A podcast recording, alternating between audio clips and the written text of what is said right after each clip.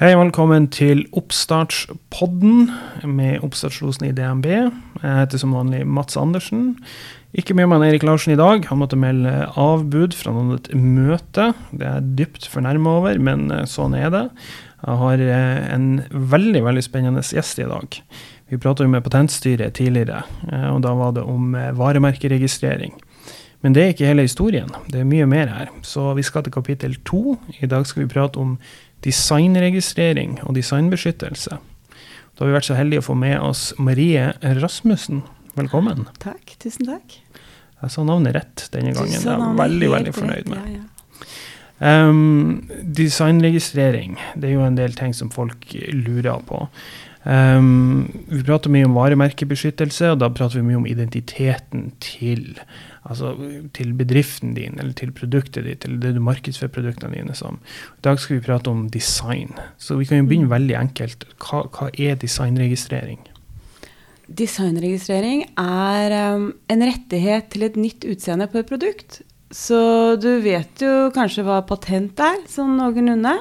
Mm. Det handler om den tekniske løsningen av produkter. Uh, mens design, det er utseende. Så hvis du har skapt noe nytt, da, for det er det det handler om, at du får uh, en, en fordi at du har uh, skapt noe innovativt, noe nytt. Du får lov til å bruke dette i markedet, bare du, hvis du søker om en designregistrering. Mm. Så da snakker vi om utseende og utforminga. Mm. Så hvis jeg lager en ny tannbørste med et bedre grep eller noe sånt, så er det da utforminga. Ja, godt eksempel mm. med tannbørste. Men vi har jo alt fra tannbørster til uh, biler, til uh, lyspærer, til uh, websider. Altså alt kan mm. egentlig designregistreres så lenge det er et produkt, og det har mm. et utseende, og det er nytt. Mm. Så det trenger ikke å være fysisk engang. Det Nei. kan være et utseende på ei webside, f.eks. Mm -hmm. ja. Jeg tror jeg leste litt om hva som gikk, går an å designregistrere. Da sto det bl.a. hvis man finner opp en ny font, f.eks. Mm. Stemmer det. Mm. Um, når man skal gå frem, da, la oss si at man har funnet opp et nytt produkt, uh, og så tenker man det at det er viktig med et uh, godt utseende, um, og så ønsker man å få beskytta det. Hvilke krav er det som stilles for å få designregistrering? Ja, Det viktigste er som jeg sier at det må være nytt. For det er på en måte en premiering eller prøve å stimulere til mer nyskaping. Så Derfor så er det, det viktigste kriteriet er at det er nytt. Mm. Så er det som sagt et produkt, altså det, men det meste er i grunnen det. Mm. Så hvis du har et nytt utseende på et produkt, så kan jeg nesten si med 99% sikkerhet at du kan søke om designregistrering. Ja. Um, når man sier nytt, det er vel en sånn er det en tolv måneders sånn grace period fra du introduserer produktet? Uh, du trenger ikke å søke om beskyttelse med en gang. Du kan gjøre det inntil tolv måneder. Er det riktig? Mm, det stemmer. Ja.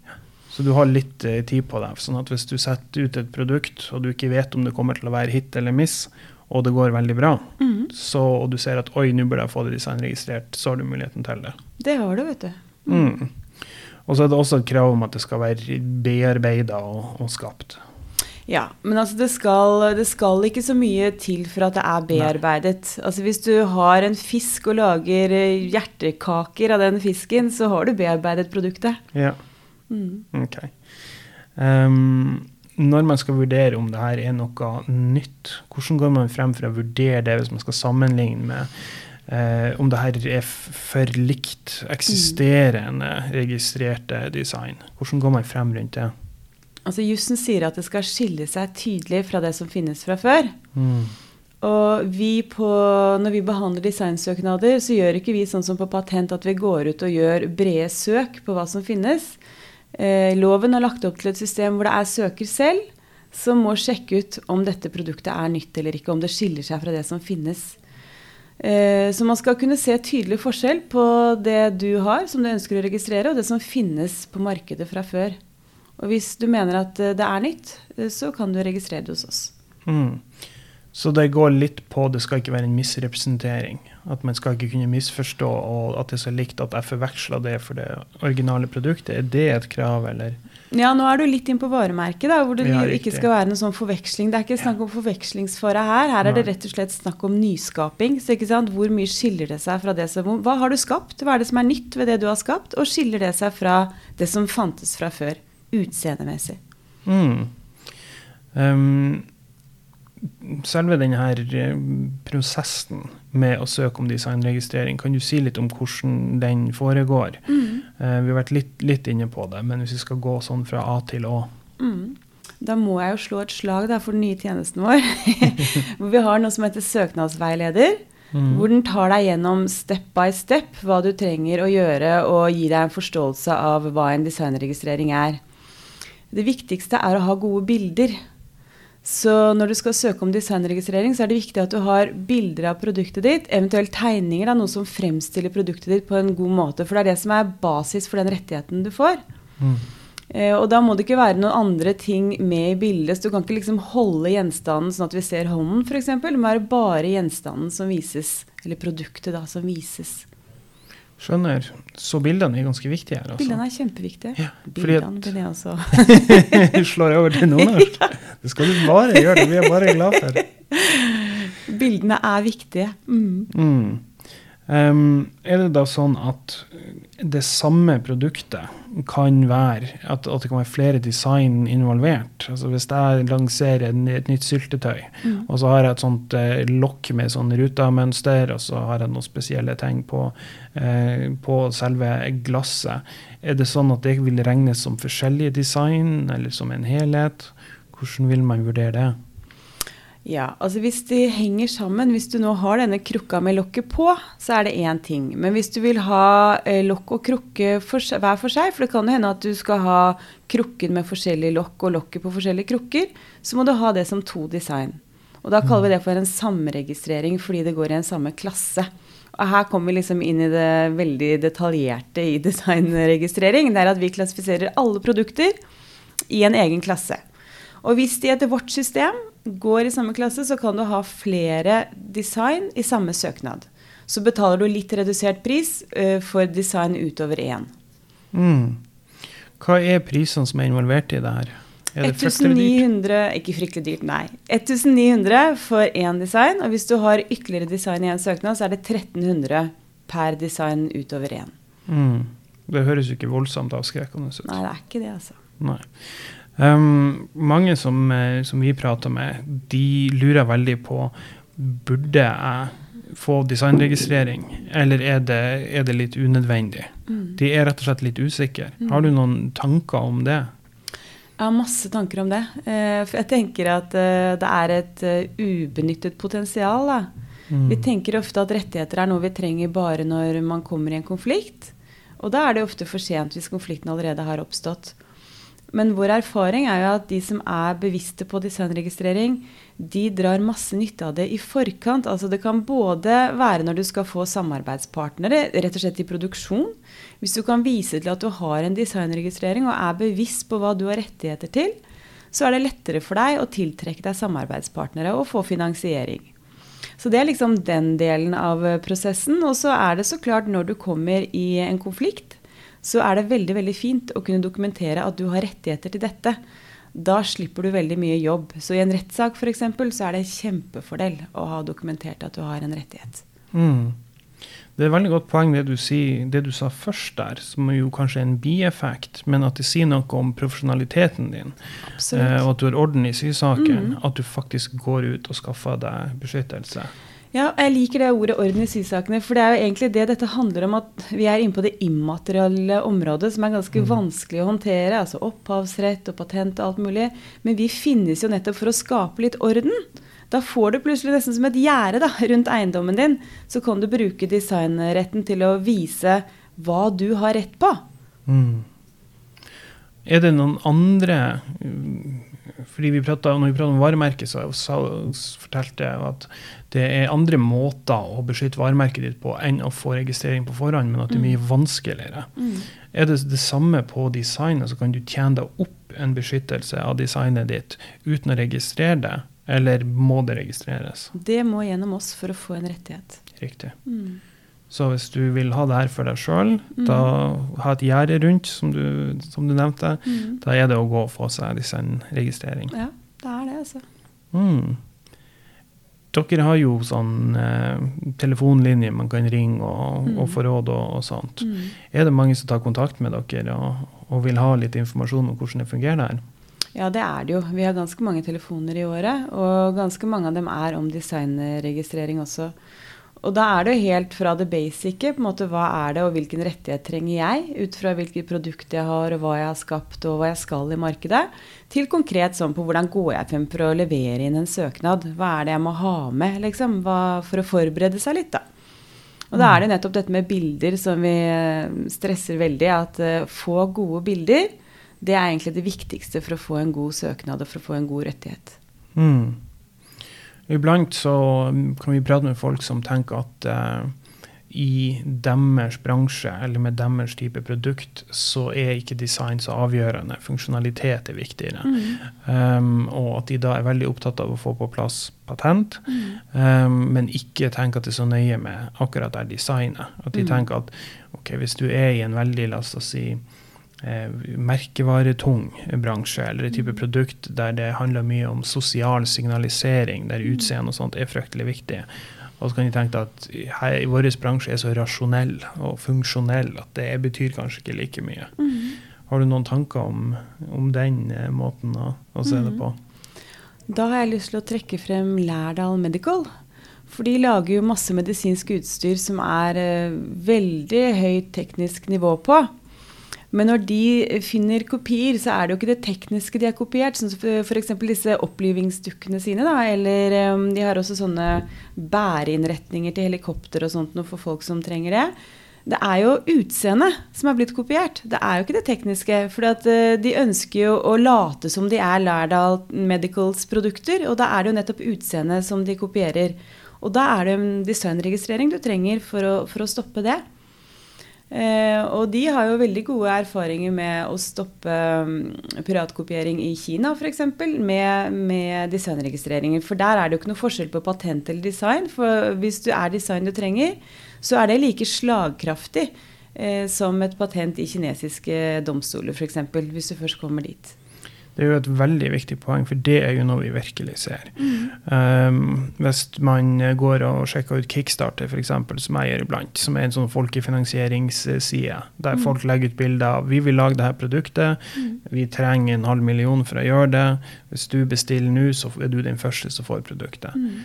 Og iblant så er det det har knapt vært ute en sånn eh, kampanje i ei uke før noen kinesiske fabrikker har laga bootleg-varianter. Mm. Jeg har sett på kinesiske sider på Amazon.com kinesiske bootleg-varianter av produktene til små bedrifter i dalstrøkene innenfor mm. i Norge, mm. som lager sånne små nisjeprodukter som er litt kule, så de har truffet med.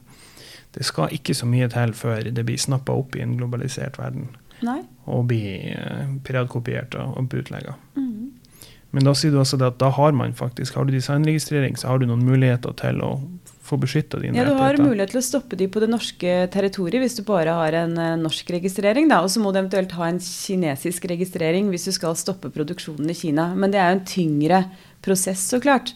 Og det er sånn som kanskje de store selskapene som Lærdal og Stokke og sånn kan ta, da, mens det er vanskeligere for de mindre. Men hvis du har en designregistrering i Norge, så har du i hvert fall et middel til å kunne stoppe ting faktisk ved grensa. Mm. Og da kan man gå inn i samarbeid med toll, og så kan man få toll til å være ekstra oppmerksom, f.eks. Mm. Og det er lettere å gjøre hvis du har en fysisk rettighet. Det er nesten umulig å gjøre det uten. Mm. Eh, hvor vanskelig er det? Jeg skjønner at det er vanskeligere basert på det du sier, men å få designregistrering i utlandet også, er det en veldig mye tyngre prosess? Mm, det fins forskjellige måter. Du kan gå til hvert enkelt land og søke der. Eh, og så har vi et system for Europa under ett et eget kontor. Sånn som vi er kontor i Norge, så fins et eget europakontor. Uh, og så er det en internasjonal ordning som er um, egentlig en underorganisasjon av FN. Hvor du kan peke ut veldig mange land med én søknad, faktisk. Men da blir jo kostnadene større, da.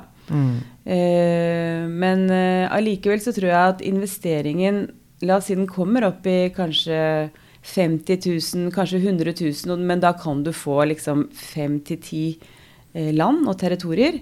Og jeg tror investeringen er egentlig ganske liten i forhold til mm. det tapet du kan få ved å ikke gjøre det. da. Mm. For uten det som er clouet, er at uten registrering så har du i hvert fall ikke noe mulighet til å stoppe ting i f.eks. India eller Kina. Med en registrering så har du i hvert fall en mulighet. Mm. Hvordan setter man seg ned og velger hvilke land man eh, skal prioritere øverst ja, på lista? Mm. Før så handlet jo det om bare markeder, altså hvor skal du selge produktet ditt. Men i dag så mm. handler det nok også om produksjon. Yeah. Så jeg tenker jo at disse produksjonslandene kan være interessante, i hvert fall for de store som har muskler til å kunne håndheve det mm. utenlands også. For det er nok også en kostnad som man må tenke på, da. Eh, men hvis man har intensjoner om å vokse, så må man jo tenke stort, da. Og da må man jo også eh, tenke at man skal registrere det i flere territorier. Og da ville jeg gått inn og sett hvilke muligheter det var i dette VIPO, heter dette FN-organet. Mm. Der kan du få en oversikt eh, på hvor mange land du kan faktisk peke ut med bare én søknad. Så får man regne seg frem til hva man har råd til, og hvilken investering man skal gjøre på det, rett og slett. Mm. Jeg skal prøve å få noen av de linkene av det etterpå mm. og, legge det ut i, i kommentarene til denne episoden. Mm. Men det er for så vidt et, et, veldig godt poeng at hvis man har en type produkt man regner med er veldig sårbar for piratkopiering, mm. så la oss si um, Selv om det er noe som ikke er så interessant i markedet i Kina, mm. så si høyfjellssko. Jeg har ikke mm. inntrykk av at de, de, går så mye i uh, høyfjell med, med norsk klima. Det er kanskje ikke et så interessant marked, men fordi at piratkopiering kan forekomme, så velger man kanskje et par av de største truslene i form av der piratkopiering kan skje, mm. og så noen av de største markedene. Mm. Kanskje det er en uh, mulig strategi. Ja, for det er nettopp det man må gjøre. Som du sier, man må sette seg ned, så må man tenke strategisk på det. Mm. Uh, hva det er man kan ha å tjene på å ha registreringer i forskjellige land. Mm. Kan man eh, ringe dere for å slå en prat og kanskje få noen råd?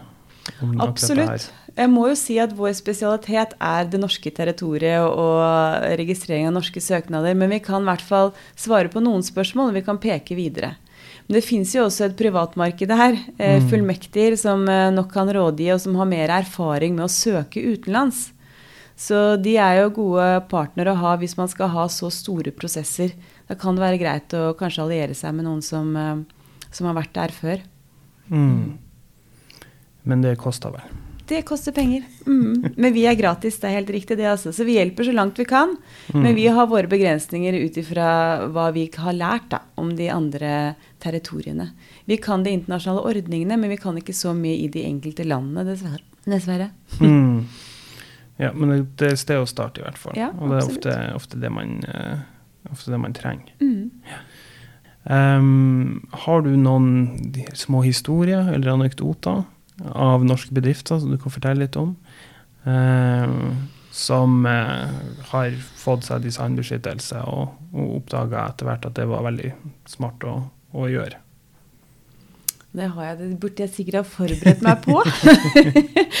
uh, men vi har jo stadig sånne gladhistorier. Um, og så vet vi jo om noen som f.eks. Eh, hadde registrert seg i Norge, men valgte å ikke registrere noe i utlandet. Så viste det seg at den, eh, det produktet deres det ble veldig populært i USA. Eh, men der hadde de ikke noe designregistrering. Og det var et bevisst valg fra dem å ikke gjøre det. Men det slo ganske feil ut. Eh, de tapte nok ganske mange eh, produkter på at andre begynte å kopiere og lage det samme produktet der. Så det er mange som har angret på at de ikke har tenkt litt mm. større kanskje i første omgang enn det de skulle ha gjort. Ja, mm. det kan man jo se på mange områder. Mm. Eh, struktur, f.eks. Mm. Mange som angrer bittert på at de ikke hadde en holdningsstruktur på plass. Mm. Eh, etter hvert som investorer begynner å komme og, og, sånt. Og det kan jo la seg fikse i ettertid, men det koster ofte mye penger. Det er det det gjør. Så hvis man klarer å tenke designregistrering eh, ganske tidlig da, i markedsprosessen, mm. så, så, har man tjent mye på det. Mm. Vil du si det er en erfaring man har gjort at uh, i de siste årene, etter hvert som globaliseringa er skutt fart, at det blir mye viktigere med å få beskytta immaterielle rettigheter enn før? Helt klart. Og vi er veldig overrasket over at det ikke er flere norske som søker. For vi ser at det er veldig mange utenlandske søknader. Altså Majoriteten av søknader vi behandler, kommer fra utenlandske søkere. Yes. Eh, så jeg ville absolutt si at det er et potensial der for eh, det norske markedet til å, til å ta i bruk denne rettigheten. Eh, nettopp for å skape seg en større trygghet rundt de immaterielle rettighetene sine. Mm. For det gjør da tydeligvis utlendingene i større grad enn det vi gjør her selv. Det er jo litt sånn snodig. Vil det være sånn at hvis man ikke kan opptjene seg noe, opptjene seg, altså ikke en designregistrering, men, men ikke kan opptjene seg en rettighet fordi vi har brukt det designet så lenge, um, betyr det at i teorien kan jeg da gå og registrere noen andre sitt design, eller vil det ikke være mulig fordi at da vil ikke jeg oppfylle kravet om at det er nytt? Nei, Ja, heldigvis du kan ikke det. Nei. Så du kan på en måte nekte andre å Eller andre kan heller ikke få rettigheten, da, for å si det Nei. sånn, men du får ikke den eneretten som du får via en designregistrering. Mm. Og det som sagt, den dokumentasjonen, det å ha en dokumentasjon på rettigheten, det kan gjøre hele forskjellen noen ganger. Både i forkant, og du kan jo også bruke det, som du sier, å signalisere seriøsitet eh, i en markedsføringsprosess. Det å si at du er bevisst på hva du har rettighet til. Det er klart at det gjør noe med hvordan mottakerne vil forholde seg, og kanskje vil de i større grad holde seg på avstand, da, hvis du er tydelig på hva du vet at du har rettigheter til. Så det kan jo være sånn at noen faktisk ikke eh, kopierer akkurat ditt produkt, for du ser at du er bevisst. Mm. Det er også et veldig viktig poeng. Og det, det ser vi jo. Det, og det er jo en viss sånn eh, holdning i gründermiljøene, også blant gründere som personlighetstyper, om altså, move fast and break things. Altså, bare, bare jobb, få det, få det gjort, og den måten å gjøre det på. Jeg tror det er mye å, å si positivt for den holdninga, men iblant så bruker vi å si at man må ta på seg revisorbrillene og ha litt is i magen og få de formelle tingene i orden. Jeg tror det er veldig riktig det du sier om å sende signaler, både til potensielle investorer, potensielle samarbeidspartnere, om at man eh, har orden i sysakene og tar det på alvor. Men også, som du er inne på, det her å demonstrere at man tar rettighetene sine på alvor. For det kan være avskrekkende for andre. OK, da kopierer vi ikke deres, for det vil koste mer enn det smaker. Og så er det jo rett og slett verdipapir. Så også sånn finansielt så vil det jo kunne bygge selskapet ditt. da. At du har en rettighet som du kan eh, kanskje få noen til å verdifastsette på en eller annen måte, så du kan ta det inn i det finansielle også. Mm. Jeg syns vi har vært veldig effektivt. Jeg tror vi har vært gjennom eh, alt som jeg lurte på. Ja. Har du noen eh, tanker du tenker er, er viktig å presisere når vi nå er på eh, lufta? Nei, jeg ønsker jo bare at flere får øynene opp jeg, for dette instituttet og bruker det mer. Eh, og nettopp gjør sånn som vi snakker om, at man ser litt større på det enn bare den der konfliktbiten. For det er egentlig så veldig mye mer enn det. Det er et dokument som du kan bruke i så mange sammenhenger eh, når du skal drive bedrift. da. Mm. Eh, så bruk det for det det er verdt. Det er liksom ikke noe som skal henge på veggen og komme til nytte når det er en eventuell konflikt. Det er noe du kan bruke kommersielt på så mange vis, og i så mange faser egentlig av, eh, av det å drive butikk. da. Mm. At jeg tenker at flere burde prøve det ut og se hvor nyttig det faktisk kan være. Og når man vil eh, lære mer om det her, så kan man gå på sidene deres, Mm. for der har dere informasjon. Mm. Patentstyret.no. Mm. Så tror jeg dere har kurs også. Vi har kurs, vi har både grunnkurs og oppfølgingskurs. Men grunnkursene våre er gratis for tiden, så det burde man jo bare komme seg på og være med på for å lære litt mer. Mm. Er det webinarer? Er det kurs med oppmøte? Vet du hva, Nå ble jeg usikker. Webinarer Ja, jeg tror kanskje vi streamer det meste av kursene Mm. kursene våre for at vi skal kunne nå distriktene og lenger geografisk enn bare Oslo, da, for vi holder jo til i Oslo. Mm. Eh, men vi kan jo, vi kan jo ha Skype-møter, og vi har muligheter for å nå folk teknisk på andre vis. da. Mm. Ja, dere er jo ikke så vanskelig å få tak i. Dere Nei, vi- er ganske på tilbudssida. Vi prøver å være det. Veldig bra. Tusen takk for at eh, du kom, Marie. Setter stor pris på. Tusen takk, veldig hyggelig å være her.